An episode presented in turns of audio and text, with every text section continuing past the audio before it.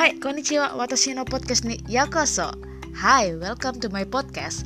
Halo, selamat datang di podcast saya, Dila Bersuara.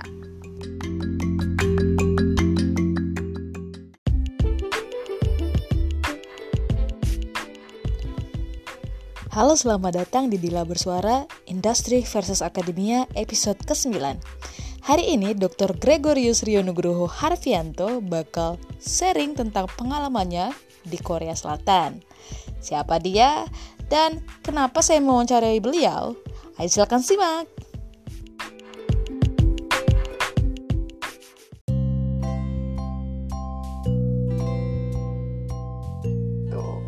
Iya, jadi uh, gimana cara panggilnya apa nih Mas Gregorius Rio aja. Mas Rio aja bisa. Uh, Rio aja biasa dipanggil. Mas Rio. Uh, Mas Rio tau nggak sih kalau di Indonesia tuh nama Rio lagi populer akhir-akhir ini. Oh ya? Apa, iya. Kenapa? Karena Nggak tahu. Keke. Tahu nggak sih? Nggak tahu.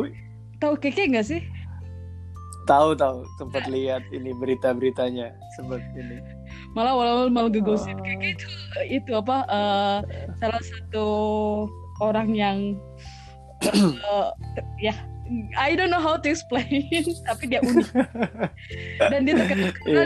pacaran settingan sama Rio gila Oh. Hmm. Nama pacarnya nih. Oke oke.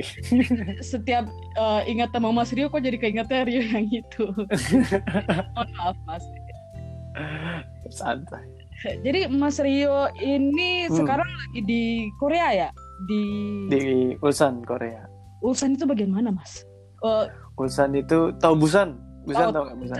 Busan Ah, Busan bi- sama Kak. Bukan Busan deket banget sama Fukuoka benar. Hmm. Tinggal nyebrang kan naik kapal juga bisa kan ya. berenang. Ah, naik pesawat lebih dekat lagi tuh 40 menit kok nggak salah dulu pernah. Hmm, itu tahun 2013 itu nyoba pesawat Busan Fukuoka tuh 40 menit kalau nggak salah. Hmm. Uh, tapi Busa, uh, Ulsan itu dia kurang lebih 45 menit sampai satu jam ke Ulsan. Jadi tinggal ke daerah atas kanan sedikit ya, timur laut ya. Uh, jadi daerah timur laut. Kalau Ulsan sendiri itu sebenarnya bagian tenggaranya Korea sih. Jadi sama-sama di pinggir pinggir Korea, sama-sama memiliki kawasan pantai. Hmm. Tapi Ulsan itu kota industri sih, kalau kita bisa bilang. Jadi kalau kamu tahu pabrik Hyundai Hmm.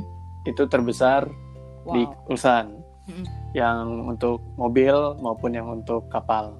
Hmm. Termasuk juga petrochemical di refinery yang paling besar di Korea juga, termasuk nomor tiga besar satu dunia kalau nggak salah pengolahannya, pengolahan minyaknya itu plannya juga refinery-nya juga di sini punyanya SK. Hmm, jadi lebih ke Jadi- kota industri ya. kota industri sih kalau kita bisa bilang ini lebih kayak kota industri gitu Terus gimana ceritanya bisa nyangkut di Ulsan, Mas? Ini apa karena berkaitan dengan uh, kuliahnya dulu atau gimana tuh, Mas? Boleh diceritain ke kita Hmm. semua dong? kalau kuliah dulu aku nggak di Busan kebetulan kuliah Oh. S2-nya di Busan justru S2-nya di Busan terus S2-nya teknik kimia di Busan di Pukyong National University terus lanjut S3 di Yongnam Yongnam University itu di sebuah desa kecil di Gyeongsan Mhm. Gyeongsan itu jadi kalau dari Busan naik sedikit sekitar dua setengah jam dua jam Mhm. itu udah sampai Gyeongsan. Gyeongsan itu di pinggiran kota Daegu kalau mungkin pernah dengar kata kota Daegu. Iya, itu apa Kota corona ya? yang Ah, ah, betul betul betul betul. Kemarin kota yang paling terdampak corona karena karena pasien yang jalan-jalan itu terus em, Gyeongsan tuh di pinggiran kota Daegu gitu. Nah, itu Daegu itu daerah yang cukup panas di Korea. Nah, itu S3-nya Hmm. waktu itu di sana. Terus habis itu balik lagi ke selatan dikit lagi akhirnya ke Ulsan setelah lulus dari S3 kerja di sini sekarang Hmm. di perusahaan kerjanya. Oh, di perusahaan. Eh, Mas, itu kan S1-nya di Universitas Diponegoro, Teknik Kimia. Terus kenapa Ya. milih untuk melanjutkan pendidikan tingginya di Korea? Hmm, sebenarnya kalau Iya. flashback gitu ya, Hmm. kalau flashback sedikit, dulu awal ceritanya mungkin nggak Korea bukan menjadi tujuan utama, namun saat perjalanan S1 akhir-akhir gitu ya, dan waktu itu aku juga S2 udah ini udah keterima double degree dulu di Undip. Uh, keren. udah keterima eh kok double degree? Sorry fast track namanya. Oh iya iya. Jadi aku keterima fast track S1 S2 gitu kan. Pas akhir-akhir semester 8 gitu semester 7 ini sorry semester 7 S1 itu. Jadi udah keterima S2 di Undip gitu. Nah saat perjalanan selesai S1 mulai ikut conference gitu kan mulai. Kan udah mulai S2 tuh semester 8 ya S1 udah mulai S2 tuh. Udah lulus S1 terus mau hmm. masuk S2 mulai conference terus di conference itu yang paling aku ingat conference di Bogor. Saat itu mengenai energi biofuel gitu kan. Mm-hmm. nah saya tahu saya menemukan fakta bahwa Korea tuh punya satu pilot plan di Serpong mm-hmm. gitu di di punyanya Puspitek gitu nah itu pilot plan untuk third generation biofuel gitu. Nah saat itu saya masih seneng-senengnya tuh sama bioenergi gitu-gitu. Mm-hmm. Nah terus di situ ada punyanya Korea, terus nemu profesor-profesor Korea juga. Nah terbuka pandangan saya, oh ternyata Korea tuh keren gitu. Korea mm. tuh bagus secara energi, secara chemical engineering dan segala macam lainnya yang yang akhirnya saya terbukakan di situ dan dari situ mulai banyak banyak ngepo lah ya istilahnya sekarang. Akhirnya ngepo terus cari-cari tahu ternyata tadi wah refinery terbesar ya di sini. Dan yang kerennya kan Korea sendiri kan nggak punya sumur minyak gas sama sekali kan tapi ya, mereka bisa ekspor mereka bisa mereka industrinya pesat banget terutama teknik kimia plant pala refinery juga banyak banget di sini gitu. Negara yang nggak punya apa-apa tapi bisa ekspor produk-produk turunan minyak gas gitu kan terus wah dari situ akhirnya makin makin terbuka. Nah mungkin ini bilang dibilang faktor keberuntungan kali ya. Waktu itu kan ada S2 S2-nya kan udah double degree tuh eh sorry fast track. Fast track nah tapi waktu itu saya pengennya ah, masa S2 cuma di Indonesia doang gitu kayak mhm. nggak mm. mau tahun, gitu tahun berapa mas tahun 2012 pergolakan itu 2012 sih ya mm -hmm. terus akhirnya akhirnya mulailah mencari-cari jalan terus ngobrol-ngobrol sama profesor di kampus terus gimana cari-cari MOU lah gitu kan oh ternyata Fakultas Teknik Undip itu punya MOU sama Pukyong National University yang kampus QS2 itu akhirnya hmm. Dapatlah double degree. Oke double double degree nih. Dapat support dari tuition fee-nya dari Korea. Hmm. tapi living cost-nya gimana? Wah ini pertanyaan berat lagi gitu kan. Hmm. akhirnya terus aku nggak mau gitu. Berangkat berangkat ke Korea. Kalau bayar uang sendiri nggak ada uangnya juga gitu. Terus saya sama profesor sama profesor di kampus ya di Undip. Akhirnya kita buka-buka jalan cari jalan. Kampus apply lah ke band apa B, BP. apa nama programnya BPPLN nah oh, BPPLN Mm-hmm. Perjalanan luar negeri, ya. Enggak BPPLN. Oh, sorry. oh yang itu. Beasiswa dikti ya, beasiswa iya, iya, dikti iya. dari dari pemerintah. Terus akhirnya dapat lumayan, ya cukup lah gitu maksudnya buat untuk hidup. Mm-hmm. Untuk hidup sama S2 mepet-mepet ya nabungnya nggak banyak ya hampir nggak bisa dibilang mungkin nggak nggak nabung ya cuman ya akhirnya support untuk S2 mm-hmm. gitu akhirnya berangkatlah ke Korea dan sampai sekarang terus akhirnya pas S2 pun saya nggak mau cuman S2 double degree setahun gitu doang akhirnya hmm. saya pengen lanjut tapi saya pengen kampus yang lebih baik saya pengen jurusan yang lebih mendalami apa yang menjadi peminatan saya apa yang menjadi kesukaan saya gitu akhirnya dapatlah bidang distilasi bidang uh, proses engineering uh -huh.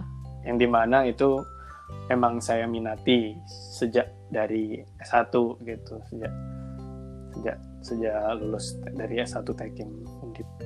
Hmm, ini uh, di, dari sini Dila bisa ngeliat ada detail-detail yang penting nih mungkin dicatat bagi para pendengar mahasiswa nih Mas. Kok Mas bisa pede-pedenya banget sih diskusi sama profesor? Kadang kan ada banyak tuh mahasiswa yang boro-boro udah ketemu profesornya udah geter-geter sebenarnya. Kok kok Mas bisa like oke, okay, gue pengen ngejalanin riset di di kampus itu. Terus berani nanya ke profesor. Like gimana bisa seberani itu komunikasi sama profesor apa di Undip sendiri aktif organisasi atau seperti apa? Ah ya mungkin itu juga kali ya. Iya, dasarnya dasarnya mungkin dari dari apa?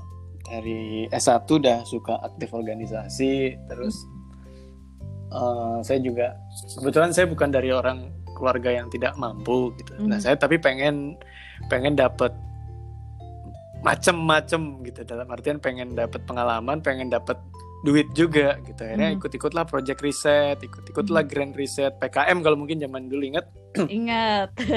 PKM, PIMNAS, terus project riset LIPI apa segala macam. Pokoknya segala Hmm. macam bentuk grant, segala macam bentuk kompetisi itu dijalanin. Terus akhirnya kan Hmm. dari situ kan deket ya sama profesor profesor di Hmm. kampus sama dosen-dosen di kampus terus Hmm. termasuk ditawarin yang double apa fast Fast track pun juga ditawarin dosen kan Mhm. karena karena mungkin ya tahu IP-nya bagus tahu Baru mau nanya itu uh, tadi. track record-nya track Oh. recordnya gitu kan akhirnya sama dosen-dosen di "Yo, kenapa nggak fast track aja gitu gitu tapi tapi pengen keluar negeri bu. Gitu gitu maksudnya kan belak belakan aja gitu kan. Tapi ini terus akhirnya dibuka kan lah ini ada, ada ada program kok double degree gitu gitu terus nanti kalau ini ah, kalau nggak ada beasiswa ya nggak mau bu. Kan pak gitu gitu jadi ya, ya akhirnya karena diskusi ya karena diskusi ngobrol terus ngejar-ngejar terus Hmm. ya ngerepotin terus.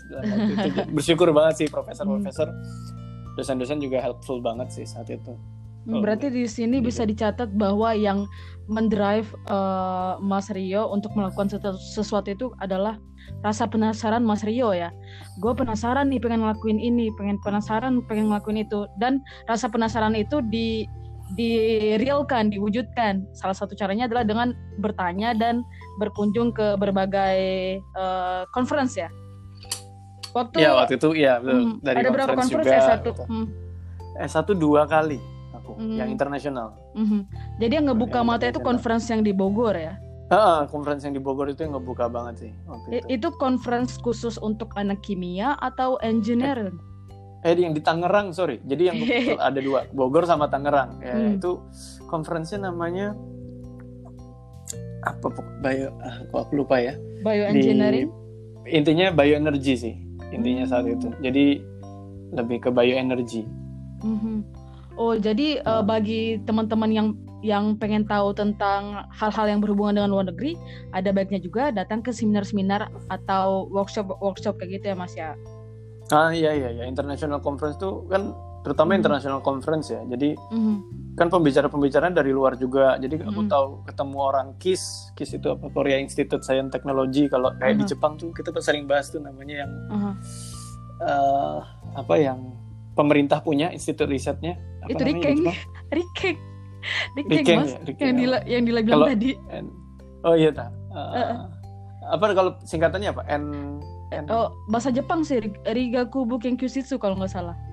kalau Inggrisnya apa sih? Um, apa ya physics and something I cannot nggak ingat Dila. Eh, kalau Oke, dia- ah, ya, anyway ya itu ya pokoknya itu yang yang punyanya pemerintah Korea dan Mhm. Mereka punya gitu pilot plan-nya di sini karena kita punya resource-nya kan di Indonesia tapi yang punya teknologinya Korea gitu. Mhm. Gitu. Terus Nah, dari situ Kena, akhirnya mhm. Terus kenapa Mas ini kan udah S2. Tadi kan awalnya Hmm. tujuannya oh ya dari S1 gue pengen ngerasain eh, kuliah di luar negeri S2. Terus kenapa jadi keterusan sampai S3, Mas? Iya, Karena kan banyak orang Indonesia kan pulang kan ya. eh, waktu itu gini mikirnya abis lulus S2 itu Mm. em, aku pengen punya sesuatu yang nggak nge-lab banget gitu yang nggak lab based banget gitu ya jadi kalau teknik kimia kan kita emang bisa dua ya jalurnya ya dalam artian bukan dua sih banyak banget jalurnya cuman maksudnya mungkin path-nya yang saya bisa lihat satu mau emang researchnya base-nya di lab atau base-nya yang ke industrial banget implementation gitu Mhm. nah saya sih pengen yang ke arah industri ke arah implementasi saat itu Mhm. Nah terus tapi saya ngerasa saya cuma lulusan S2 dan bahkan cuma setahun di Korea gitu kan. Saya Hmm. ngeliat sayang banget. Oh S2-nya Sayang setahun karena karena Ah, ah, karena double degree kan. oh jadi Saya nyelesain kuliah S2-nya sampai dari dari 2012 Juli 2000. sampai 2013 Februari. Hmm. Februari saya terbang ke Korea Oh I see. 2013 Februari. Nah, kon- conference yang ke Jepang tadi yang kayak ke Fukuoka tadi itu pas S2. Ah I see. presentasiin tesis S2 saya di salah satu Mhm. topik tesis saya di di Fukuoka gitu Mhm. saat itu. I see. Uh, uh, ya itu. Jadi uh, saya ngerasa ah, saya cuma setahun di Korea terus kayak belum dapat apa-apa gitu kan. Mm-mm. Terus nggak berasa saya ya? kalau pulang kalau pulang iya kayak setahun tuh gitu kan terus mau ngapain gitu. Pulang mau ngapain? Akhirnya saya pulang kalau misalkan pulang ya gitu kan. Terus saya ngelamar juga paling belum lagi. bisa. Mereka melihat melihat melihat saya sebagai lulusan S2 mungkin. Menurut saya saat itu seperti itu. Mm-mm. rata-rata teman-teman yang lulus S2 tuh pun yang dilihat ya secara apa namanya award gitu ya secara salary maupun secara posisi juga dianggap sama kayak fresh graduate S1 Mhm. gitu. Nah saya memposisikan saya seperti itu saat itu. Anggap aja saya kayak gitu gitu kan. Mhm. Eh, kalau saya kerja di Jakarta pun di engineering company which is yang itu tadi saya pengen kan gitu kan yang eh, apa namanya untuk apply ilmu saya gitu kan teknik kimia di industri. Terus saya saya lihat kalau di engineering company hasilnya sekian gitu. Dan kalau beasiswa S3 saya ya kok sama gitu. Dalam artian bahkan lebih sedikit gitu untuk Hmm. yang beasiswanya terus dengan pengeluaran tentu pengeluaran di Korea lebih bes- besar daripada Jakarta atau di Indonesia saat itu Mhm. kalau sekarang mungkin agak-agak mulai ya? agak mulai menyusul ya. Iya, Jakarta ngeri. Indonesia lama-lama mahal banget sekarang. Mm-mm, Sampai udah pada tinggal di apartemen kan sekarang? iya, makanya. 5 juta pulang sebulan. ke- pulang pulang di Jakarta gitu. Eh, kayaknya aku kalau makan di Korea mirip-mirip harganya. kayak tinggal kayak tinggal cuman beda satu seperempat kali apa satu setengah kali gitu. Dulu bisa Heeh. dua dua sampai tiga kali gitu perasaanku ya. Mm-mm, mm-mm. Nah terus setelah tujuh tahun itu kan agak berbeda. Anyway, uh, terus saya mikir ya udah kalau nabung saya segini kenapa nggak saya S3 aja dan waktu itu S3 aja gitu di Korea dan dan posisi S3 saya ya sesuai sama yang saya mau juga gitu proses engineering juga cuman kan lebih ke research gitu Hmm. Mainnya simulasi pakai simulator juga juga sama gitu cuman memang basicnya ke research dan memang membuat temuan gitu maksudnya membuat desain baru konfigurasi baru proses desain baru gitu. Mhm. nah akhirnya di situ saya mikir wah ini bagus juga buat modal saya buat ya harapan yang ya goal saya dari awal tadi ya maksudnya sebagai engineering company consultant di Mhm. engineering untuk industri di teknik kimia khususnya di proses desain distilasi gitu nah itu yang yang jadi harapan saya gitu kan dari awal sebenarnya ya dari situ saya mikir ya udah saya mending S3 aja lah sekalian gitu Mhm. Oh jadi eh, emang dari awal bahkan dari S1 Mas tuh udah punya goal kalau Mas pengen kerja di industri gitu ya. Iya di industri tapi yang di Hmm. ini engineeringnya gitu. Mm-mm, Jadi yang baik. lebih ke lebih ke bukan di bukan di end user ya, bukan di plan iya. gitu ya, Mm. bukan di plan gitu. Itu ya bagus juga tertarik juga saat KP juga Hmm. seneng gitu. Tapi KP udah lama nggak dengar kata-kata itu KP Mas. ya makanya kan saat di KP di lapangan di di plan gitu kan, wah seneng banget gitu. Tapi Mm-mm. kok rasa-rasa kayaknya saya seneng yang consulting, yang sebagai consultant, Hmm. Research development engineering. ya. Ya, ya betul betul betul yang. Terus yang kalau kayak itu. kayak gitu eh, mindsetnya ini mungkin ada yang mikir juga nih mas kenapa nggak cari kerja di Korea waktu master aja emang cari kerja di Korea susah banget ya sampai harus S3 dulu Ya kalau kerja di sini harus bisa bahasa Korea juga. Waktu Mhm. itu juga kampus S2 kebetulan tidak tidak industrial base banget gitu. Hmm, Dia research base penelitiannya ya kayak lab lab banget gitu, lab Mhm. basah gitu kan. Mm-mm. Tetap bidangnya pemisahan cuman saat itu uh, karena kan tadi ya saya ter- cukup terbatas dengan double degree tadi. Jadi kampusnya udah ada MOU kan. Mm-mm. Nah, cari, saya cari profesor yang paling tepat dengan bidang yang saya mau saat itu. Hmm. Ya, tapi itu be- belum benar-benar sesuai yang saya mau banget gitu istilahnya lah ya, Mm-mm. kalau bisa dibilang. Mm-mm, saya suka proses pemisahan, tapi ekstraksi di lab, utek-utek mainan mau beaker gitu-gitu tuh. Mhm. waktu itu saya saya waktu itu masih ngerasa ah ini saya kurang banget Kayak saya nggak saya nggak cukup nih kalau cuman cuman dapat ilmu ini aja gitu. Mm-mm. masih Kayak belum saya- puas gitu ya kan? Nah, ah, terus ini nih saya kayaknya nyari S3 karakter kayak dasarnya gitu. Mas Rio ya. Penasaran? Oh iya? Iya dari tadi kan oh kayaknya gua nggak cukup nggak cukup ya. It's like keris nih keren keren. Eh, ya ya gitu sih jadi akhirnya Hmm. terus. Nah kalau mau S2 juga karena tadi kan di profesor juga nggak nggak jaringannya nggak ada yang kayak gitu industrial base banget yang S2 ya Mm, terus. mm, sedangkan kalau profesor S3 ini dia jaringan industrinya kuat banget. Mm. alumni alumninya terus profesornya sendiri orang dulu orang lapangan terus Ah, dia setelah 10 tahun di SK masuk ke kamp- baru masuk ke kampus gitu. Jadi dia secara praktikal dan juga sering ngasih training ke industri-industri proses engineering di di industri nah dari situ akhirnya saya memilih memutuskan untuk bergabung sama profesor ini profesor yang konon katanya juga dianggap yang terbaik Terkenal di ya. bidang distilasi ini di Korea gitu iya. Oh, di situ ya Hmm. akhirnya saya akhirnya masuk ke lab itu dan saya ngerasa saya lebih punya peluang untuk dapat kerja di Korea kalau saya masuk lab ini. Gitu. hmm. Saya juga nggak bisa bahasa Korea loh saat sampai lulus S3. Eh, kalau sekarang gimana? Sekarang ya mau nggak mau ya Kamsahamnida, arasyo, arasyo. mau nggak mau mau nggak mau akhirnya develop lah sedikit sedikit walaupun belum lancar Aha. jauh masih jauh masih jauh banget kalau dikatakan lancar cuman mungkin ya dibandingkan saat lulus S3 which is Mm. itu tiga tahun yang lalu itu jauh baik Hmm. jauh berbeda sih Apakah untuk eh, ke pekerjaan yang sekarang Mas membutuhkan surat rekomendasi dari profesor juga? hmm, kalau butuh surat rekomendasi enggak Hmm. sih Mm-mm. cuman waktu itu cuman saya waktu itu ceritanya sempet ngerjain project bareng sama sama si bosnya perusahaan ini gitu Mm-mm. sama sama sajang nimnya sama CEO-nya gitu kan Mm-mm. kan CEO-nya dekat lah sama Prof gitu terus uh, kita ada mereka ada project bareng dan saya yang involve gitu. saya waktu involve di project itu ya saya ngerjain yang terbaik yang bisa saya lakukan gitu kan Mhm. terus dari situ sama si bosnya ini dia langsung uh, ada ketertarikan lah ya kalau bisa dibilang jadi Iya. dia mulailah buka buka pembicaraan gitu terus akhirnya sampai satu saat di kapan setelah lama gitu ya Mhm. setelah setelah proyeknya selesai segala macam terus akhirnya dia menghubungi lagi dia dia menawarkan untuk bergabung bersama uh, Hmm.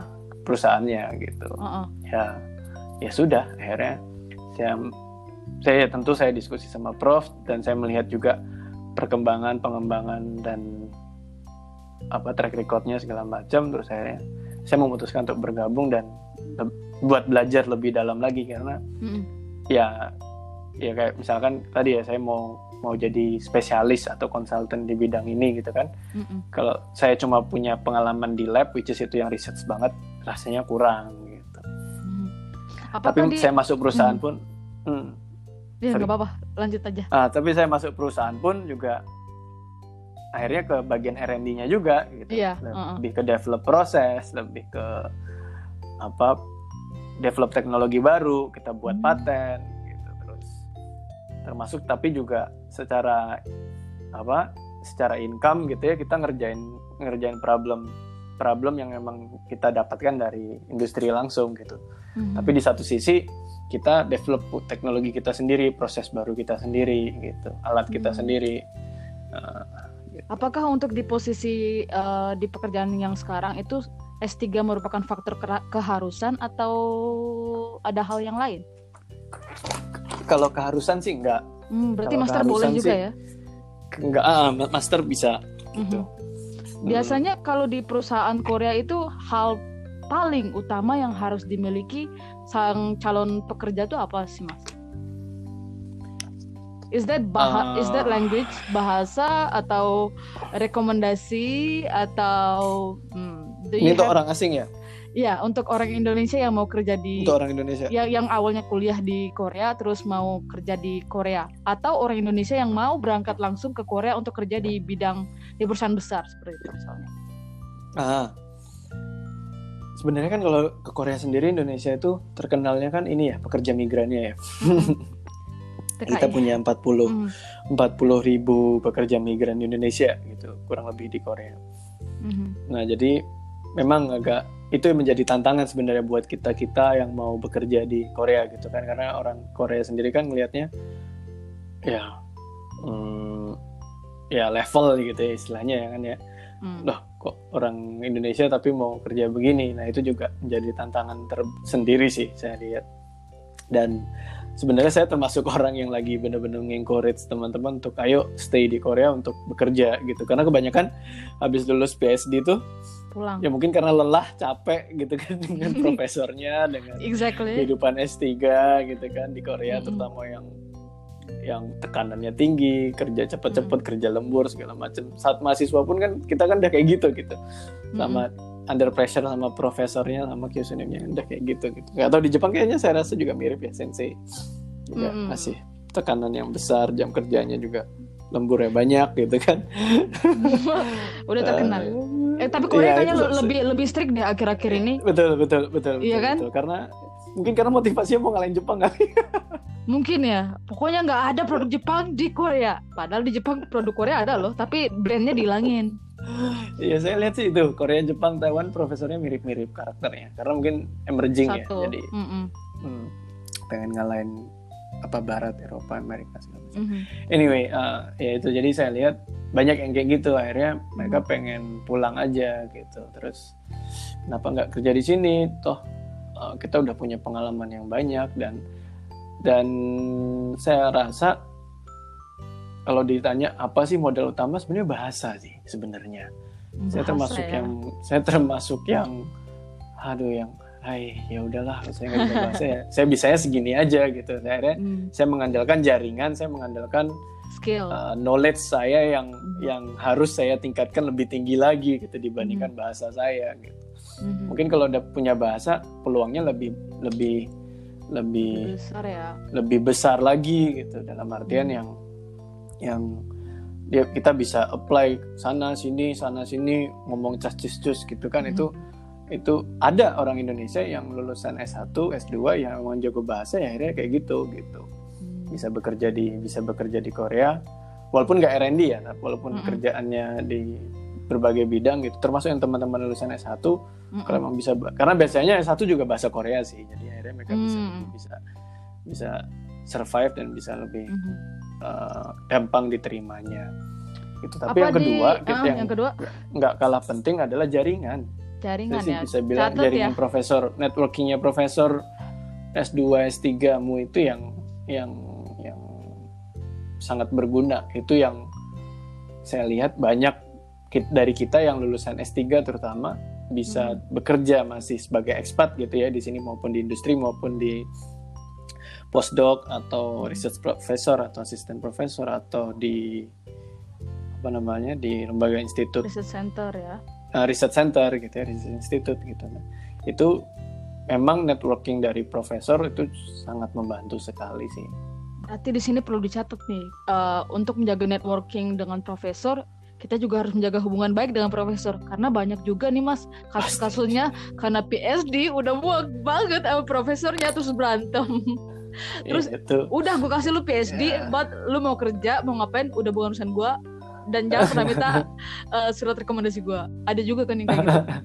iya iya Ber- berarti harus di note ya, menjaga hubungan baik terhadap profesor seberapapun kejamnya dia harus harus oh, dijaga ya. apalagi kalau apalagi kalau mau masuk ke research institute atau postdoc Mm-mm. atau yang kampus lain ya itu pasti harus butuh rekomendasi dari profesor yang sebelumnya Mm. sih yang saya tahu ya Mm. jadi ya Iya benar. ya benar. harus Di jaga Jepang juga. Baik dengan profesor itu ya wajib sih menurut saya Dan mungkin informasi ini agak miss tuh mas. Banyak banyak mahasiswa Indonesia nggak tahu karena dia pikir ah ya udahlah ya. Pokoknya gue selesai dapat PSD. Mau tahu Ah. terus akhirnya akhirnya nggak bisa ngejaga emosi dan hubungan jadi jelek ya. ya ya ya ya ya, ya, ya. Hmm, Betul, betul, betul. eh, kalau di Korea sendiri ada nggak sih penjadwalan job hunting gitu? Kalau di Jepang tuh biasanya ada ada job hunting session 6 Ada, bulan. ada ada Oh ada ada, ada. ada. Ada ada Itu bisa Di tuh ada juga. dijelaskan. Mhm. Ah, yang saya tahu itu biasanya deket-deket periode kelulusan sih sama Hmm. tapi ada juga dia ini kayak dua bulan setelah kelulusan terus nanti Hmm. ada ada mulai musimnya job fair gitu Mhm. banyak termasuk juga kampus-kampus juga membuka sendiri jadi kayak kam- apa company-company datang gitu untuk kampus yang Mhm. mau rekrutmen gitu juga ada. Nah biasanya teman-teman yang yang tadi ya yang yang jalurnya normal gitu ya, maksudnya yang nyari lewat job fair segala macam yang kayak gitu itu yang hmm, jago Koreanya setelah ya? jago Koreanya betul hmm. kalau yang kayak saya ini enggak sih enggak enggak kebetulan skill enggak, skill enggak harus melalui yang kayak gitu hmm. gitu teman-teman hmm. yang udah dapat udah kenal sama orang apa dalamnya gitu maksudnya supervisornya atau calon bosnya gitu karena tadi ada relasi tadi ya sebelumnya entah project bareng entah emang direkomendasiin sama prof gitu itu juga. Uh, ada sih yang teman saya juga direkomendasiin sama prof ada itu juga ada. Hmm. berarti emang uh, budayanya sedikit mirip sama Jepang ya di mana kalau uh, mau kerja terutama di bidang research dan development itu rekomendasi dari profesor sangat dibutuhkan. Hmm, bahkan hmm, postdoc hmm. pun juga. Iya uh, postdoc pun juga hmm, sih harusnya.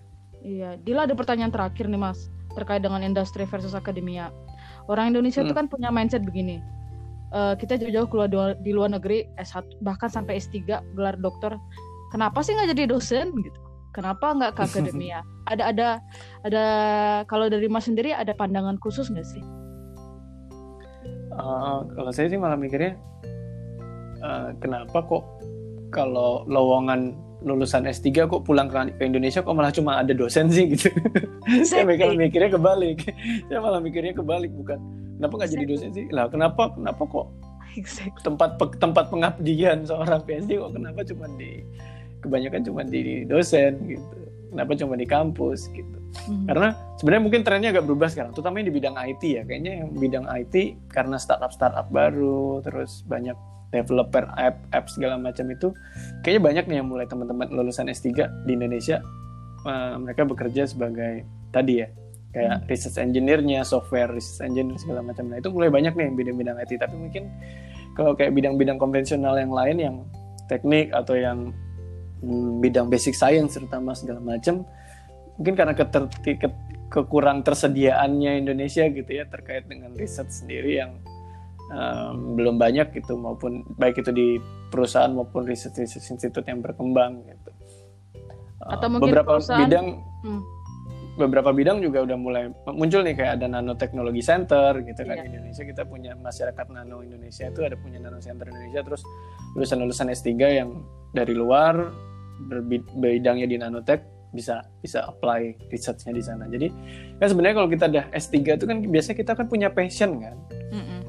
Hmm, kita punya passion terhadap satu bidang sendiri kan. Kita punya. Ya, kita penasaran rata Uh, uh, satu bidang tertentu kan yang menjadi spesialis spesialisasi kita atau ekspertis kita gitu kan. Nah kita kan ya mungkin wajarnya kita gitu ya kebanyakan orang yang udah lulus S3 pengen mengaplikasikan, pengen mengembangkan lebih dalam lagi, masih difokus di bidang-bidang yang tadi yang kita bahas tadi, yang masih yang kita studi sama S3. Hmm. Sehingga itu kan akhirnya yang membuat kita mencari gitu tempat-tempat itu apa yang sesuai gitu. Nah, hmm. nampaknya kan belum tersedia nih kan gitu di Indonesia. Yang tersedia jadi di dosen, akhirnya dosen jadi uh, karena dosen kan tanggung jawabnya ada penelitian pengabdian uh, ada apa namanya yang satu ngajar penelitian sama pengabdian kan pengabdian masyarakat nah penelitiannya ini yang yang bisa dipakai untuk tadi kan mengembangkan apa yang dulu dipelajari S3 nah akhirnya makanya pulang-pulang kebanyakan jadinya dosen gitu kan nah saya ngelihat ya ini harusnya iklim suasana riset yang lebih baik yang mendukung gitu ya mm-hmm. semoga bisa lebih tumbuh lebih cepat sih sehingga kita mm-hmm. tadi gitu yang kita lulusan S3 mau pulang ke industri, mau pulang ke mana gitu. Jadi bisa. Mungkin belum percaya juga kali ya industri kita dengan lulusan-lulusan S3. Mungkin belum Terus, urgen, masih masih hal tersier dan, karena hmm, gimana? Karena apa? Mungkin masih uh, masih belum urgen, maksudnya duit hmm, duit tersier ya, tersier. Ya, masih tersier, tersier, Da, uh, karena untuk research apa alat-alatnya juga mahal. Terus kalau mau masuk ke industri mau ngaji orang mau menggaji orang yang punya gelar dokter nih gimana caranya gitu kan. Allah, sarjana aja banyak yang mau masuk ngapain gue gaji orang yang yang yang yang kebanyakannya cuma tahu teori gitu. Gitu kali ya. Jadi akhirnya cuma dosen doang. Saya ngeliat gini Dila, mungkin juga perusahaan-perusahaan di Indonesia itu mungkin perusahaan yang bagus-bagus ya, yang berkembang besar-besar gitu, mm-hmm. yang di bidang apa teknologi atau engineering gitu ya. Itu kebanyakan PMA nggak sih? Perusahaan perusahaan asing gitu Perusahaan penanam modal. Uh, uh, jadi jadi kayaknya mereka ngapain gitu buat butuh develop teknologi baru? Exactly.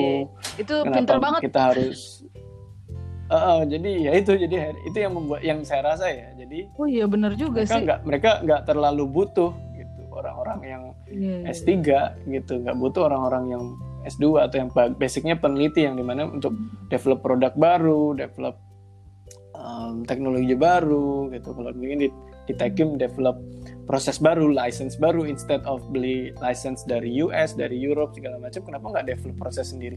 Nah di Korea itu kan kayak gitu gitu. Mungkin di Jepang saya rasa juga sama. Beberapa perusahaan itu juga mereka pengen punya license sendiri, prosesnya mereka sendiri, konfigurasinya mereka sendiri, patennya mereka sendiri, sehingga ya ya yang terbiasa dengan mencari paper, mencari patent segala macam kan orang-orang yang S3 gitu. Iya iya. iya. Yang yang secara teknik itu kan agak beda ya. Aku Mm-mm. sih bandinginnya gitu, paling gampang aja, paling gampang orang S3 sama yang S1 tuh cara nyari referensinya aja itu udah beda, cara nyari uh, Google-nya itu udah beda banget. Terus cara mengerti mana referensi yang bisa dipakai, mana yang lebih tepat dan cara menilai sumber bacaan itu juga ada berbeda. Nah, itu yang yang tampaknya belum terlalu dibutuhkan rasanya di Indonesia kalau memang Indonesia masih banyak perusahaan asing gitu. Tapi kalau kita punya perusahaan dalam negeri sendiri yang bisa berkembang cepat terus pengen tadi develop semua punya masing-masing sendiri gitu kayak misalnya karena covid nih contoh Hmm. nih kan mulai banyak tuh yang buat ventilator sendiri gitu-gitu itu kan akhirnya involve dari orang-orang dari industri gitu kan dari dari eh dari sorry dari akademisi kan yang S3 S3 itu kan dari dosen-dosen juga kan akhirnya nah kalau di sini kan kemarin kayak di Korea masalah ventilator masalah paling gampang kemarin ini alat tes swab test Oh. yang itu kan industri kan yang develop dan itu orang R&D R&D-nya juga lulusan lulusan S3 jadi Hmm. Eh, kalau di Indonesia kan kayak kerjasamanya sama kampus-kampus gitu kan akhirnya kalau di sini kan karena udah industri sistem sistem research di industri itu udah udah Ada. udah kuat gitu Hmm. udah udah iya udah kuat gitu dibanding Indonesia jadi akhirnya mungkin lebih lebih cepet ya Ya dan mungkin juga kayak kata Mas Rio tadi eh, kebanyakan di Indonesia perusahaan yang well established itu perusahaan asing ya mungkin di negara asal mereka mereka punya research center sendiri. Dan itu betul ya, misalnya betul. kayak Hitachi gitu kan mereka Betul, punya betul. research center di Jepang tapi nggak di Indonesia. Oh Hmm, That's really di Indonesia great. produksi aja Exactly. produksi aja kan. Ini benar-benar apa eh, penjelasan yang paling masuk akal. Pikiran aja nih Mas. Dila nggak- nggak sampai kepikiran ke sana loh.